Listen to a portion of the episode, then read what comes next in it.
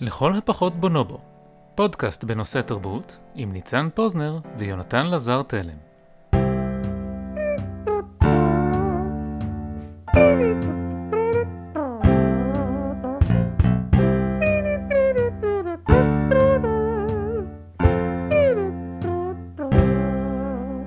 שתיים, אחד. הקדמתי טיפה. שלוש, אוקיי. מה עם ניצן? טוב, תודה. מה שלומך, יונתן? מעולה, נו, איך אה, אצלכם שם בניו יורק? Uh, השמש זורחת, כמו שאומרים באנגלית, The sun is shining. אני הולך היום, אשתי לוקחת אותי היום אחרי הצהריים, בצהריים, למסיבת פתיחת עונת הבייסבול אצל חברים. אני הולך לצפות במשחק בייסבול. אתה יודע מה החוקים? יש מקל. אני, אני יודע מה החוקים, אוקיי? זה בית שדה למבוגרים. בוא, זה לא... רגע, מי שתופס את הסניץ' מנצח? כן. זה אוקיי. הספורט הזה, בדיוק. הבנתי. אני לא אכחיש, אני די מתרגש, זו הפעם הראשונה שלי. אה, גו בול, בהצלחה. וחוץ מזה, אני, אני מגיע לבקר בארץ. וואה, כן, אה, אני מאוד מתרגש. אה, מאזינים נכבדים, אה, מי מכם שמעוניין במפגש מאזינים עם צוות לכל הפחות בונובו המלא, תאותתו לנו כן. בערוצים הרבים שאתם יודעים איך לתפוס אותנו. זה גם, גם הקריינים, גם המפיקים, גם האורחים, וגם צוות ה-New Media, כולם יהיו בארץ. אז כן, תשלחו לנו מייל. במפגש חד פעמי, לראשונה מזה שנה. כן, טוב, יש לנו היום פרק די עמוס. אני חשבתי לקרוא לזה יצירתיות ואובססיה, אה, בראי הסוקר האוטומטי. אבל לפני זה יש לנו כמה השלמות, אה, תגובות אה, לפרק על החומוס. כן, ראשית אני חייב לציין, בפרק על החומוס, אני אמרתי, חומוס, לא יודע, ירקות, פירות, מה שזה לא יהיה, אז כמובן שאחת מהמאזינות המוערכות של הפודקאסט מיהרה להגיד שחומוס זה קטניות. עכשיו, תודה, תודה אופיר. מה זה קטניות? זה ירקות, זה פירות, אני לא יודע, כאילו, בסדר, קטניות. אה, כן, אבא שלי רצה אה, לתקן ולהעיר, קודם כל, אמנם הם קונים את החומוס שלהם בשפיים, אבל הם קונים את זה בסניף של הלבנונית, ככה שזה כן אותנטי. מעבר לזה, הם התחילו לאחרונה לקנות במקום בשם חומוס פול אחמד סעיד בתנובות. טעמתי אגב, אחלה חומוס. הוא אומר שיהודים אה, מתנפלים שם על החומוס כל יום שישי בכמויות. וגם, הוא הפנה אותי למאמר של מאיר שלו משנת תשס"א. זוכר שהייתה שנה כזאתי? ב-2001? אני לא, אני נולדתי בתשמו. נולדתי ותשמח, פוזר. אני יפה. וכל הדור שלי, בגלל זה אנחנו כזה, כזה דור עולץ, כל השכבת. גיל שלי. קול. אז uh, מאיר שלו טוען במאמר שלו שהחומוס הוזכר לראשונה בתנ"ך בספר, uh, במגילת רות. מה מוזכר שם? זה, בו- אה, אם אני, בועז ורות, נכון? זה, זה הסיפור? כן, הוא... אני, אני לא קראתי בעיון, אני חייב להודות. אוקיי, אז בועז נותן לרות לאכול אה, חמצמצק, אה, מחמקת, חמצה, זה החמצה. חמצה, שזה כאילו חומוס וזה הגיוני, בוא, יאללה, זורם. בועז הכין חומוס לרות בזה, ובועז היה יהודי, אז אנחנו המצאנו את החומוס. זה הטענה של באר שבע. כן, זה הטיעון. זה בדיוק מה שהוא מנסה להגיד. אז תעשה לי טובה. הצאצאים, בני הבנים של בני בניו של הבנים של בועז, הם לא יותר האשכנזים ש... שהגיעו לארץ ישראל במאה ה-19 וה-20 מאשר הפלסטינים שהיו שם כשהוא חיכה. זאת אומרת, הטיעון של האותנטיות נותר בעינו. החומוס לא הגיע עם היהודים לאר- לארץ ישראל, הוא חיכה להם שם. ואז, אתה יודע, הם, הם לא באו ואמרו, אוי, אלפיים שנה אנחנו מתגעגעים לירושלים ולחמצה. זה לא כל כך משנה אם הם מנסים להידמות לאותנטיות שהם מדמיינים בעיני רוחם שהיא יהודית מאיזושהי סיבה, או שהיא ארץ ישראלית. כאילו חומוס זה ארץ... בועז המציא את החומוס בארץ ישראל. ב- בוא נאמר, לראיה, אנחנו לא קוראים למזון הזה חמצה, אנחנו קוראים לו חומוס. הוא לא הגיע במזוודות, אתה יודע, במזוודות הישנות האלה, עם ה... שיש להם מין חגורת אור כזה, הוא לא הגיע במזוודות האלה על האוניות לארץ ישראל במאה ה-19, הוא חיכה להם שם. כלומר, באיזשהו מובן, הטיעון הזה של מאיר שלו, הוא מתחבר לשאר הטיעונים על המורשת העתיקה שלנו, שאנחנו מנסים עכשיו לתפור לאיזו הוויה אה, מודרנית כן. של הישראליות החדשה. בואו, היהדות האורתודוקסית שקיימת היום בארץ ישראל, הומצאה באירופה. היא לא דומה למה שבועז עשה בארץ ישראל. הוא היה מקריב בעלי חיים לבית, בבית המקדש, היהדות התקדמה מאז, ו... והעם הוא לא אותו עם, והחומוס הוא לא מאפיין של, זה לא אוכל שאוכלים במאה שערים, אוכלים שם קיגל. לא משנה, אז הלך מאיר שלו, אוקיי, ואני גם רציתי לשתף שבערך בדקה ששחררנו את הפרק לאוויר, אה, נתקלתי בקבוצת פייסבוק, שאפילו לא זכרתי שאני חבר בה, בשם היו היה, בפרסומת משנת 1959 לחומוס תלמה. שמעת על הדבר הזה? זה לא חומוס, זה אבקת חומוס. כן, אז הפרסומת... משחת חומוס? הפרסומת זה משהו יוצא מן הכלל, אני ממש הצטערתי כי זה מתכתב עם הפרק הקודם בצורה כל כך uh, מושלמת. אז uh, זו פרסומת שקודם כל היא הוקרנה בקולנוע, כי לא היה אז uh, טלוויזיה מסחרית בישראל. בפרסומת רואים uh, מסעדה, uh, באותם ימים מסעדה היה מעין תרבות מאוד היי סוסייטי שכזו, ואל תוך המסעדה... מסעדה של אשכנזים. כן. פה זה יותר uh, מפורש ממני. אני משתדל לדבר בסאבטקסט, לפחות פה בפודקאסט. אז uh, נכנסים לשם שני uh, תימנים בלבוש המסורתי שלהם, ומגיע המלצר ושואל אותם מה תרצו, והתימני ככה בחיוך uh, uh, זומם אומר, שתי פיתות בלבד בבקשה, ובזמן שהמלצר מביא לו את שתי הפיתות, הוא מוציא מתוך הכיס שלו תרמוס ואבקה, אבקה מפחית, צריך להגיד. כן. מערבב בתוך הקערה. האורחים האחרים, אז אה, אחת מהן היא בכלל תיירת, היא שואלת, What is this? אורחת אחרת, אשכנזייה מאוד, שואלת, מה, מה זה הדבר הזה? אז הוא אומר, זה חולמוס תלמה. ואז, אה, אז זה לא היה חיקוי שלו, זה היה חיקוי שלי, אני לא יודע איך, אני לא יודע איך עושים קולות, כן? כן. וזהו, זה מה שהוא אוכל שם, אה, הוא אוכל את החו... התימני האותנטי, אוכל במסעדה של האשכנזים אה, גבוהי המצח, חומוס מפחית. אני רוצה להעיר גם שתלמה צריכה לתבוע את אוסם על הפרת זכויות יוצרים, כי 300 שנה אחר כך, הם היה להם את הפרסומת הזאת של הטייס שמגיע למסעדה, והוא שואל אותו מה אתה רוצה, והוא אומר, hot water small glass. שזה כאילו אותו דבר בדיוק. רק פיתה. איכשהו זה, זה טיפה פחות, אני לא יודע, משום מה זה מרגיש לי טיפה פחות נורא. אתה, אתה תחשוב על יודע? השינוי העצום, סליחה שאני נהיה רציני פתאום, כי הטייס ששותה קפה טורקי של אה, אה, אוסם, הוא אשכנזי לגמרי. הוא לא, הוא, אתה יודע, הוא כאילו שיא, הוא טייס, הוא כזה... ו- והוא שותה את זה בטורקיה גם, הוא כאילו מנסה, האמירה פה היא, הבן אדם מביא, הטייס הישראלי מביא את הקפה הטורקי שלו לטורקיה בעיבוי אישי. כן, זה כאילו, איזה, תאמין לי, הת- התהפכו אנחנו היוצרות. יותר אותנטיים מהאותנטי. כן, כי ה- הפרסומת של, של חומוס תלמה זו פרסומת שאומרת, התימני האותנטי הוא מעריך את המוצר המזויף שלנו, כאילו, זה החומוס. זה מין אבקת חומוס כזה, זה ברור שזה לא חומוס אמיתי, אז אתה חייב איזה חותמת של תימני. העניין הוא שאני ישבתי פה לפני שבועיים וקיטרתי אה, על האמריקאים האלה, איך הם מעזים למכור את הזבל הזה בסופרמרקט שלהם ולקרוא לזה חומוס.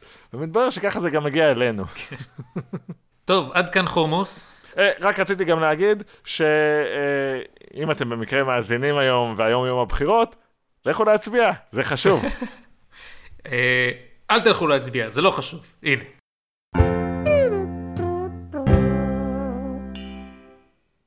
תגיד, יונתן, אתה זוכר שב-2012 טיילנו בגיאורגיה?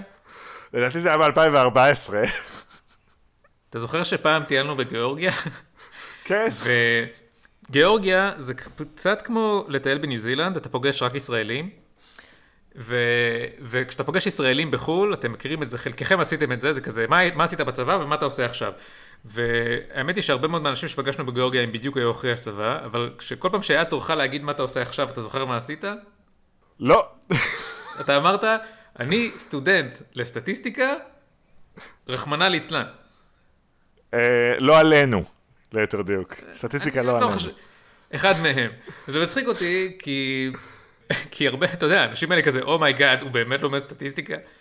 ואני נזכר בסיפור הזה עכשיו, בגלל שבכמה חודשים האחרונים, סטטיסטיקה היוותה חלק די מרכזי מהמערכת יחסים שלנו.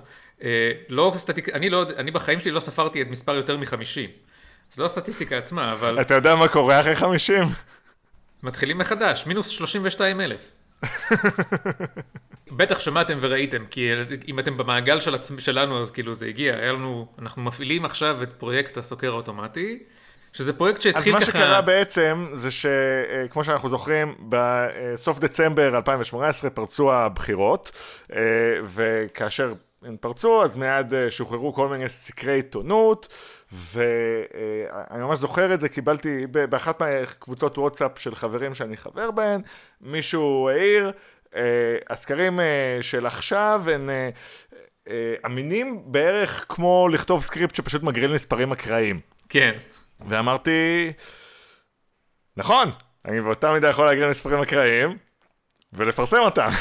כן, ואז מה שקרה, קרה משהו שקורה פעם בשלושה ארבעה חודשים, אני מקבל וואטסאפ ממך, וזה כזה, יש לי רעיון, אתה בעניין, וכאילו, אתה יודע, אני יכול, יש לי סקריפט שמגריל תמיד כן.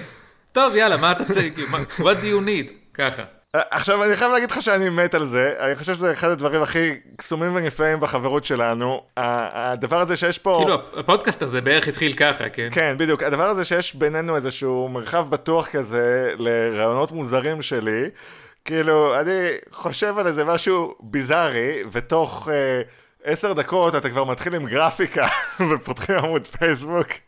והרבה פעמים זה מתרסק באיזה פלופ אבל לפעמים קורה מה שקרה בפרויקט הזה שזה לא התרסק, זה צמח זה שינה את הצורה שלו הרבה מאוד פעמים אה, והגיע למקומות די משונים, אני חושב שזה נגע בלא מעט אנשים בחיים שלהם ואולי שווה לספר, חשבתי ששווה לספר את הסיפור הזה פה בפודקאסט. יש, הבחור הזה שולח את ההודעה, ובאמת המחשבה הראשונה של הסוקר האוטומטי, זה היה אה, מין הגרלת מספרים כזו. נכון. זה התחיל בתור פרויקט שאין לו תשתית מדעית. אני חושב שהרבה פעמים הנטייה שלי היא להסתכל באיזושהי צורה סאטירית כזאתי.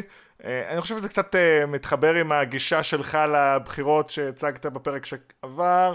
כזה יש, יש לי איזה נטיית לב כזאת לשבת במרפסת ולזרוק עגבניות.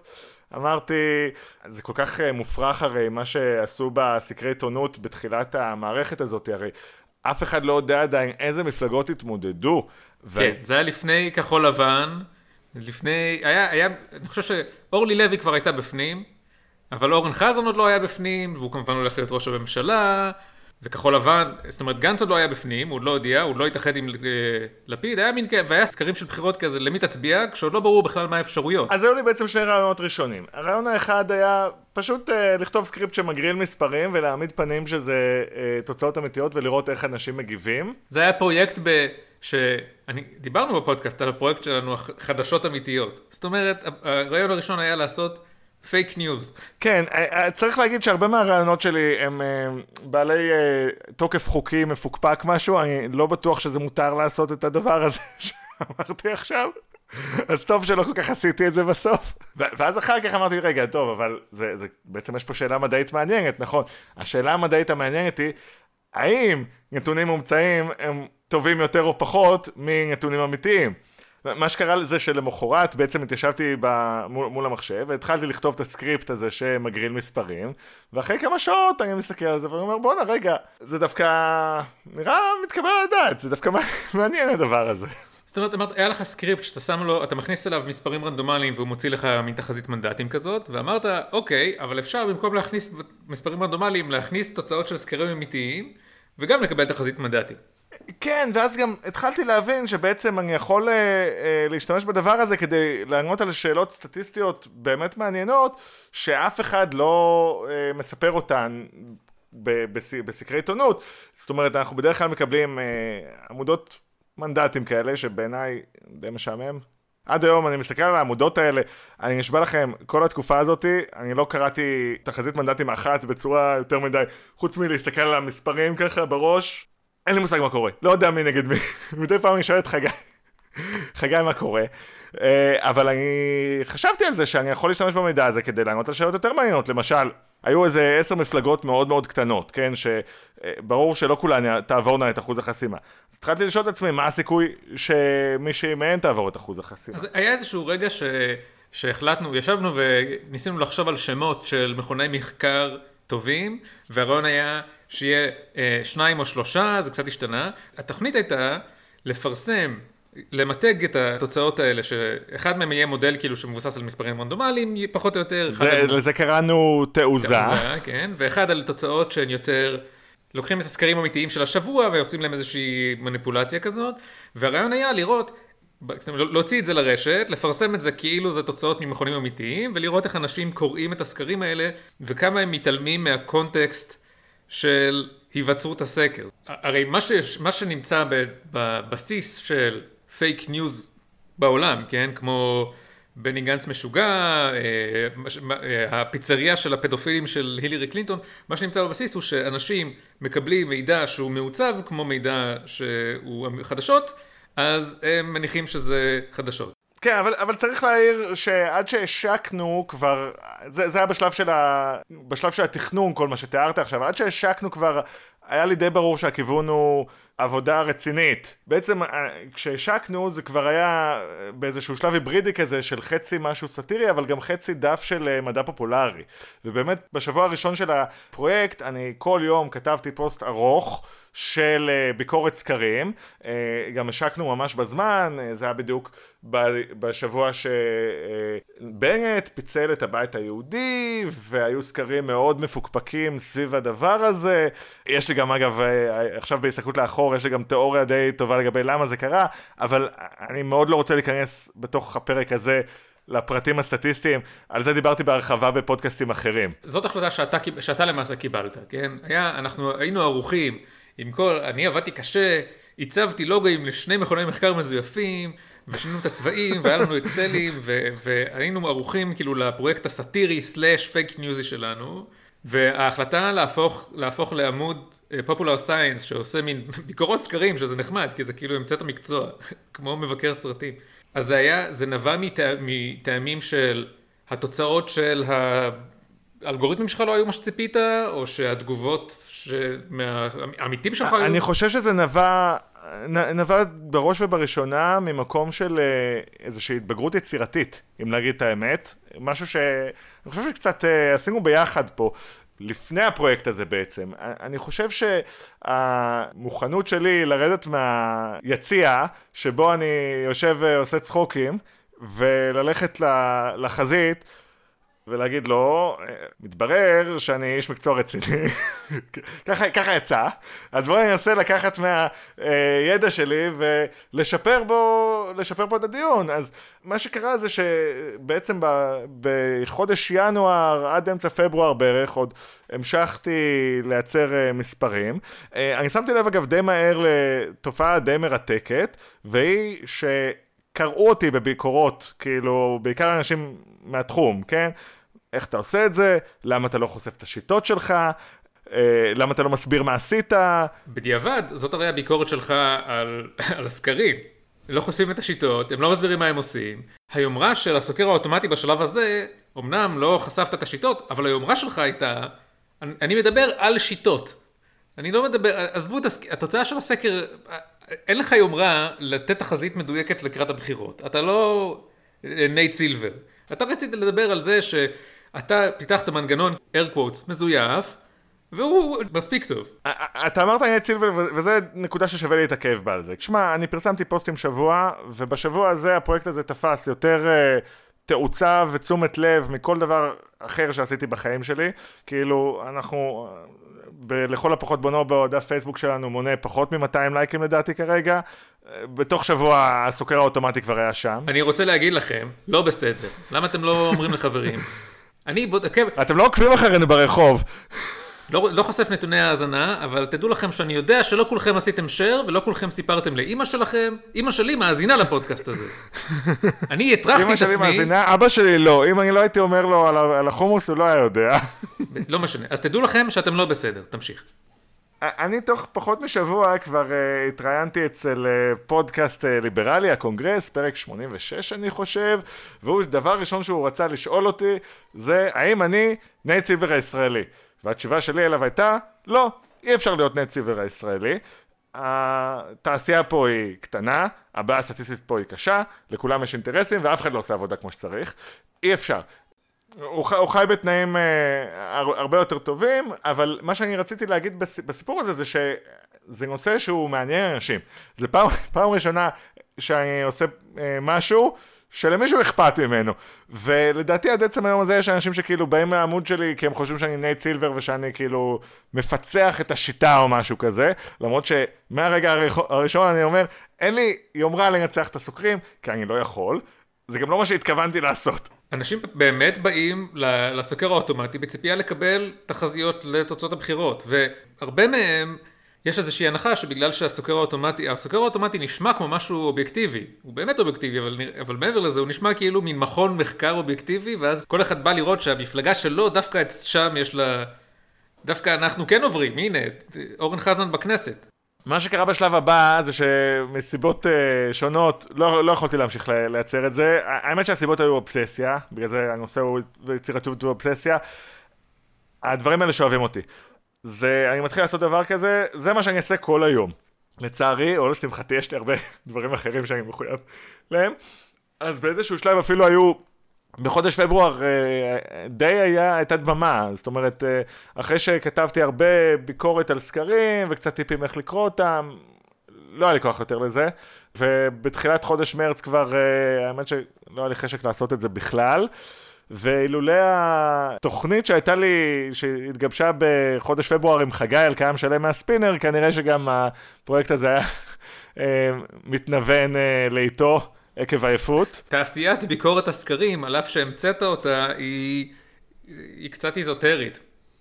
היא מושכת אנשים שכזה, משני סוגים, אנשים שמעניין אותם המידע מדעי של ביקורת הסקרים, ואנשים שמחפשים שמישהו יטפוח להם על השכם ויגיד, אתה רואה, אתה רואה, מן הצמח סתם אומר שאורן חזן לא נכנס לכנסת. כן, בדיוק, את אורן חזן. הייתה איזו סטגנציה כזאת בעמוד, גם לא פרסמת וגם לא צצו כל כך הרבה שאלות. זהו, אז מה שקרה זה שתוך כדי תנועה, באמצע, לקראת סוף ינואר אני חושב, בערך בדומה לאיך שהסוקר האוטומטי נולד, בהתכתבות אחרת, עם אה, שהשתתף בחגי על קיים שלם, הוא אמר, בא לי פעם אחת להראות איך uh, אתה יכול לקחת uh, uh, את אותה שאלה, לנסח אותה בשתי דרכים ולקבל uh, תוצאות מנוגדות. אז אמרתי לו, בוא נעשה את זה, בוא נעשה סקר. עכשיו, אני גם בנטיית לב שלי, הסיבה העיקרית שבחירות מעניינות אותי, זה כנראה היה ככה מאז ומתמיד, זה ההיבט הסוציולוגי של הדברים. נורא מסקרן אותי להבין מי מצביעים לאיזה מפלגה, למה הם מצביעים לאיזה מפלגה, מה גורם, איפה המנדטים זזים, ו- וכל המידע הזה, אף אחד לא מספר לי אותו.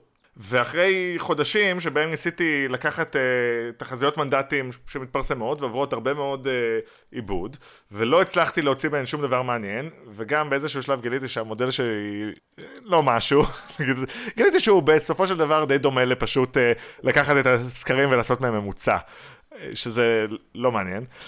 כאילו זה קל. כן, זה כל אחד יכול לעשות במחשבון של הארץ. האמת שאני עשיתי את זה קצת יותר טוב, המחשבון של הארץ לא וידאו שהסקר שלהם אה, מסתכם תמיד ל-120. מסתכם ל-120. היה, היה איזה, אני חושב שהייתה איזו הרגשה שאתה עובד מחוץ לקופסה, אתה אומר, יכול להיות שמה שעושים במכוני הסקרים זה ככה, או יכול להיות שהם עושים ככה, כנראה שהם עושים ככה, והרבה מהקולות שהושמעו בעמוד היו כזה, למה אתה, למה אתה אומר? איך אתה יודע? ואתה אומר, אני לא יודע. זאת אומרת, אין לי, אני בחיים שלי לא עבדתי במכון סקרים פוליטי, אני לא יודע מה הם באמת עושים, אבל בטוח הם חייבים לעשות ככה או אחרת. אני עכשיו גם נזכר תוך כדי שאתה מדבר, שהייתי באיזשהו משבר סביב הפרויקט הזה, בעיקר כי הרגשתי שזה חסר טעם.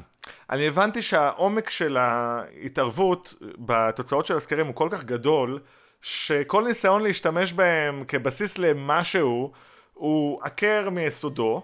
אני גם זוכר שלפני אי אלו שנים, אדם אחר די מפורסם בטוויטר, קוראים לו נחמיה גרשוני, היום יש לו עוד שם, אני לא זוכר מהו, הוא ניהל אגרגציה של סקרים, ואני גם זוכר שלקראת אה, יום הבחירות הוא עשה כל מיני תרחישים אפשריים, לא, לא על בסיס... Uh, אה, סטטיסטיה אגב, אלא פשוט על בסיס אה, הנחה שהתוצאות של הסקר זה מה שיש. ובסופו של דבר זה לא היה מחובר למציאות בשום צורה, בגלל שהסקרים היו לא כל כך בכיוון, לפחות חגי יש לו את הטיעון הרגיל על זה שהטעות ב-2015 לא הייתה כל כך גדולה, אבל נדמה שמבחינת הסיפור שמספרים, אה, שסיפרו במערכת הפוליטית על התוצאות של הסקר זה כן היה משנה. הסוקר האוטומטי היה במקום שבו כפרויקט סאטירי הוא נגנז מכיוון ש... לא היה כל כך, זה היה כאילו בדיחה שמספרים לבן אדם אחד, והוא גם ככה לא מבין אותה. וכפרויקט של מדע פופולרי, הוא לא כל כך הצליח בגלל שהוא נתקל גם במחסומים יצירתיים וגם במחסומים של, של זמינות של מידע. כן, אה, אבל אז מה שקרה זה שחגי התפנה מעיסוקיו בסוף פברואר, אה, הוא היה עסוק בעניינים אחרים באותה תקופה. אמר לי, כשהרעיון עלה בזמנו, אז הוא אמר, דבר איתי בסוף פברואר. מלכתחילה גם הייתה כוונה שאני אתארח אצלו בפודקאסט, אז כאשר התארחתי אצלו, באותו בוקר פחות או יותר, החלטנו, טוב, הולכים על זה, אה, עושים את הסקר. ואז, ואז קרה משהו חדש, במקום הודעה מיונתן בוואטסאפ, הצטרפתי לקבוצה בוואטסאפ. כן, קבוצה, האמת שקבוצה די פעילה עד היום, אני חושב, קבוצה מאוד נחמדה. אה, צריך להגיד, פוזנר, הגרפיק, כל הגרפיקות של כל מה שעשינו, זה חתום על ידיו. עבודה מאוד נח... הוא שאל באיזשהו שלב, איזה כיוון כלשהו? אמרתי לו, סקר בצבע שקוף, דה. כן. עכשיו, אני חשבתי שזאת בדיחה, אבל עשה, זה מה שהוא עשה בסוף. בסדר, לא, לא בטוח שזה, אתה יודע, באיזשהו שלב התחלנו לשים פוסטים כאלה, שיש את המידע, ואז יש את הלוגו של הסקר השקוף, הלוגו של הסוקר האוטומטי, הלוגו של הספינר והלוגו של שקוף. העמותה. הלוגו של הספינים והלוגו של שקוף זה לוגוים שעשו אנשי מקצוע וממש טובים, ואז כאילו אני מסתכל על לוגוים שאני עשיתי ליד ואני כזה, אה, זה לא כזה. אה, אני אוהב את הלוגוים שלך כמו שפה זה מבחינתי. אני אוהב את הרובוט של הסוקר השקוף, זה באמת הצלחה. הפונט שם לא משהו, אבל הרובוט. אמרו לי שהוא, שהוא יותר חמוד מהרובוט של קוד אה, אקדמי או משהו כזה. אני, אני, לא אני עושה, אני מצטער שאני עושה כזה איגוף, אבל יש לי השקפה לגבי פרויקטים מסחריים ו/או כל פרויקט שצריך למשוך תשומת לב, כן, נגיד הדוגמה הקלאסית זה אפליקציה, הדבר הראשון שצריך לעשות זה אייקון טוב. אני, אני בן אדם שמחשיב את עצמי כזה שקול, ואתה יודע, הולך לאינטרנט ושואל שאלות לפני שאני מוריד אפליקציות, עזוב, אם אומרים לי זאת אפליקציה הכי טובה שיש והלוגו שלה גרוע, אני לא שם אותה על הטלפון. אתה צודק מאה אחוז. ואם זו אפליקציה לא משהו, אבל הלוגו טוב, אז מיד, בטח, נוריד, נראה מה זה עושה, מה זה חשוב. אבל שווה גם להתעכב רגע על הרובוט הזה, כן? כי במקור אני, אני ממש לא רציתי להטריח אותך גם, אתה יודע, אני לא יודע, הרבה פעמים כשאני שואל את הדברים האלה, אני לא רוצה להרגיש כאילו אני איזה בוס שלא משלם משכורת ומוריד הנחיות, אז כאילו הגישה שלי אומרת, תעשה מה שאתה רוצה לעשות, כמה שאתה רוצה, מה שאתה נותן, אני מבסוט על הכל. אז אמרנו בואו נחפש uh, סוקר רובוטי. אבל לא מצאת אף תמונה בגוגל שהראתה, ש... שלא היו לה זכויות יוצרים בתור התחלה. אז uh, הערת אותו, עכשיו הערת אותו בצורה של עמודה, עם חיצים כאלה חמודים שמחכים למעלה, ואז גם הכנת כל מיני רובוטים כאלה שעושים פרצופים uh, שונים. אבל מה שאני אהבתי בו במיוחד, זה דווקא אופציה שאני בסופו של דבר לא הצלחתי ללכת עליה לצערי, כי בהתחלה לא היה ברור בכלל שאני הולך להזדהות באופן אישי בתור הסוקר האוטומטי, כן? זה היה יכול להיות הרי גם אה, שם עט שכזה, ואחד היתרונות של הסוקר האוטומטי זה שהפרצוף שלו חמודי, ואני לא, הפרסונה הווירטואלית שלי לא חמודי. ואני ממש קיוויתי שתהיה לי פה איזושהי הזדמנות לבוא בתור uh, דמות כזאתי. לא הלך. עוד יכול לקרות, בבחירות הבאות. בבחירות הבאות, כן. אבל אני חושב שגם, אוקיי, לא, לא דיברנו מספיק על המוטיבציה מאחורי הסקר השקוף עצמו, שזה בעיניי פרויקט שהוא פחות או יותר מכסה את כל מה ש... יש לו הרבה מאוד היבטים שהם uh, חשובים לי. ההיבט הראשון היה, אני רציתי דאטה סט שאני יכול לחקור וללמוד ממנו מה קורה. אבל זה לא דבר ש... אני לא, לא התכוונתי לשים על זה עכשיו כאילו אלפי שקלים, כן? ואני uh, רציתי כאילו שאנשים אחרים ישימו על זה כסף. וזה לא דבר ש... זאת לא מטרה שאנשים ישימו עליה כסף. אנשים כן ישימו כסף על דרך לאמת את החשד שלהם שהסוקרים עובדים עליהם. כן. אני ציפיתי שכאילו יהיו שני סוגי אנשים בגדול שישקיעו בעסק הזה. לא הזכרנו את זה, אבל הפרויקט סקר שקוף התחיל בתור פרויקט מימון המונים. זאת אומרת, הרעיון היה לגייס מימון בשביל להוציא סקר מנד... אה, סקר, לא מנדטים, אבל סקר כזה לקראת בחירות, שיש בו את כל המידע שיש בסקרים סטנדרטיים, ואז לחלק את ה... באיזושהי קונסטלציה, לחלק את הנתונים חזרה לתורמים, לאנשים ששמו כסף.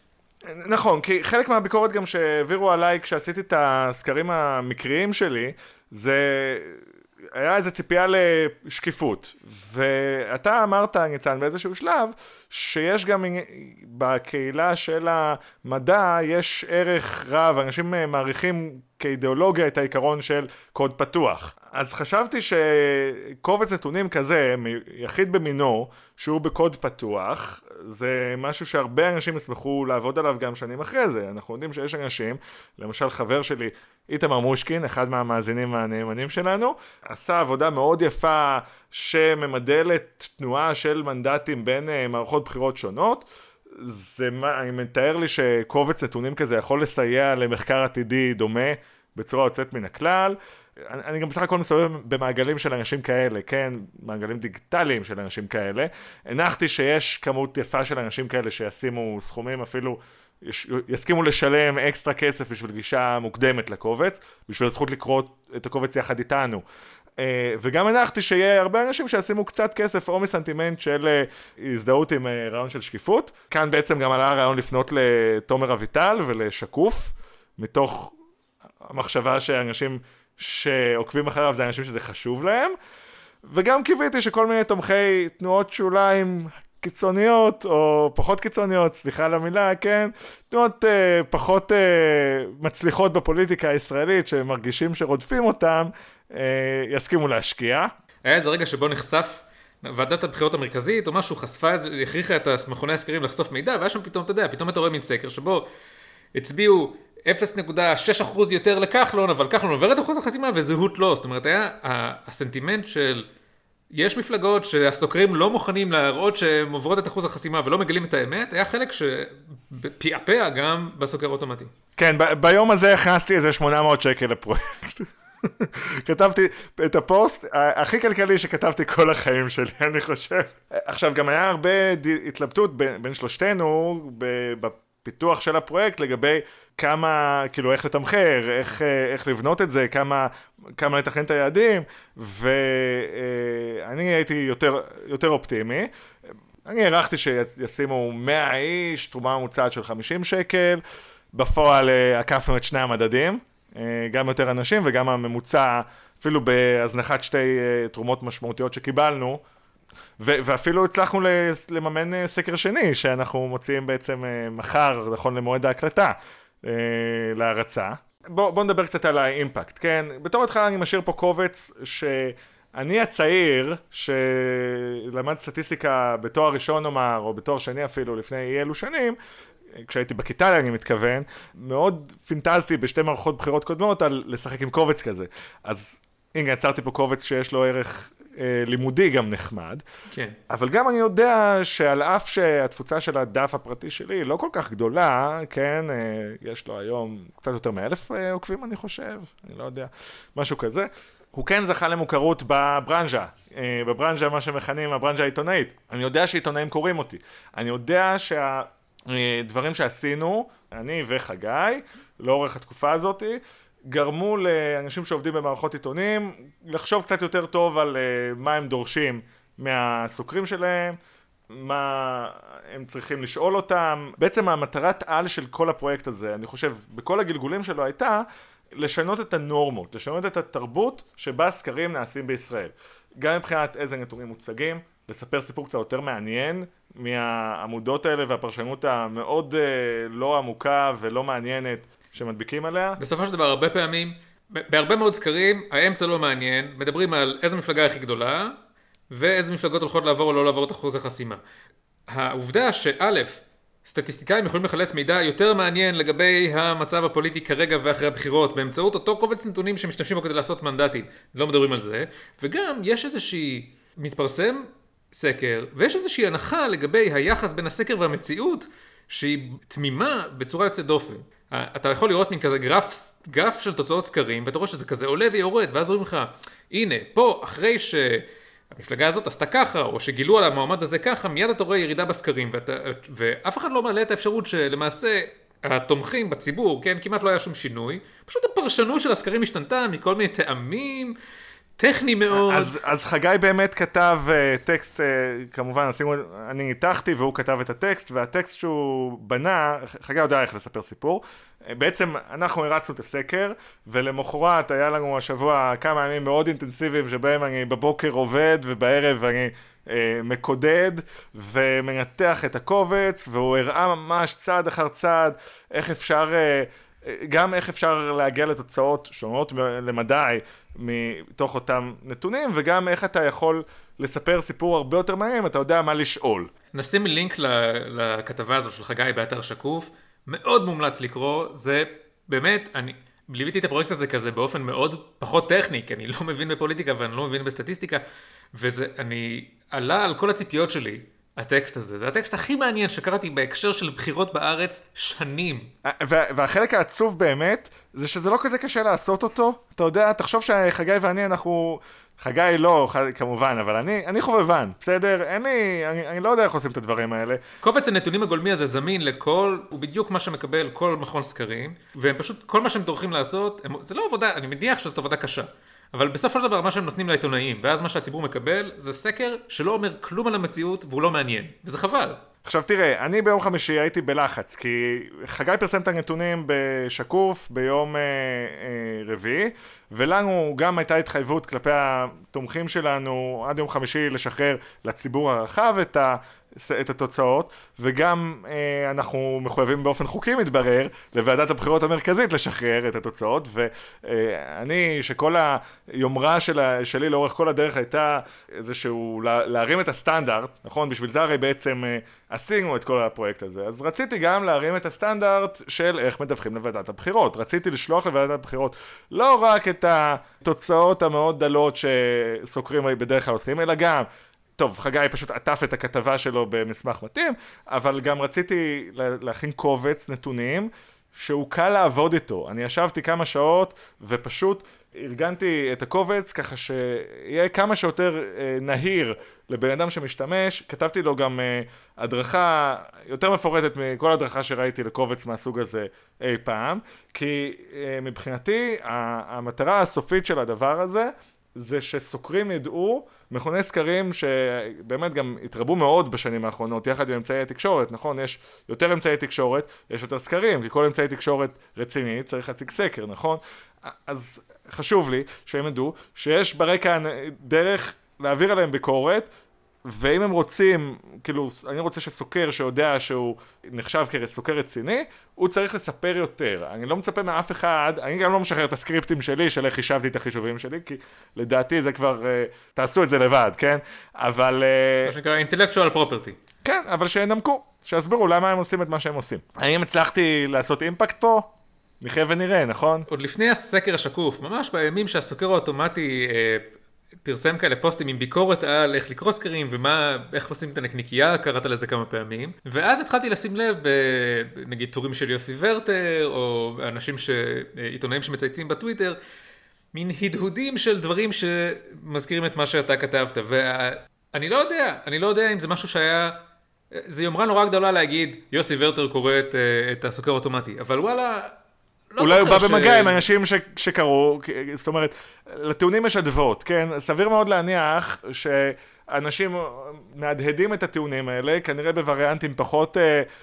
אה, שאני פחות הייתי מאשר, אבל אם אה, הצלחתי ככה לכוון את הספקות של המדיה המרכזית לעסק הזה, תראה, גם uh, בסופו של דבר, uh, למחרת הפרסום, כבר חגי קיבל הרבה פניות מעיתונות, הוא התראיין לגלי צה"ל, הופיע בכאן, אני מקווה שזה יתקדם מאוד. מבחינתי, ככל שאנחנו נצליח להביא, בזכות. ההצלחה של הפרויקט הזה, אנחנו מצליחים להביא את הטענות שלנו לחזית יותר גדולה. חוץ מזה, שהיה נורא כיף.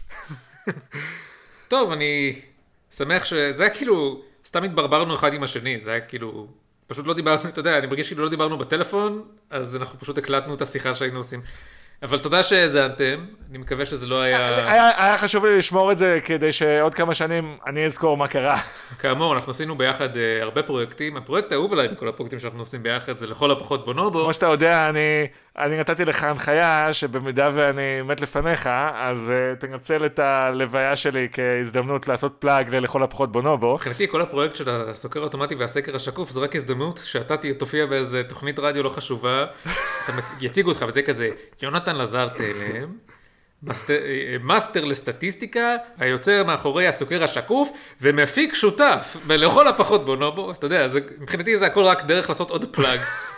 אז באמת, למאזינים שלנו, תודה רבה שאתם סובלים את השטויות האלה.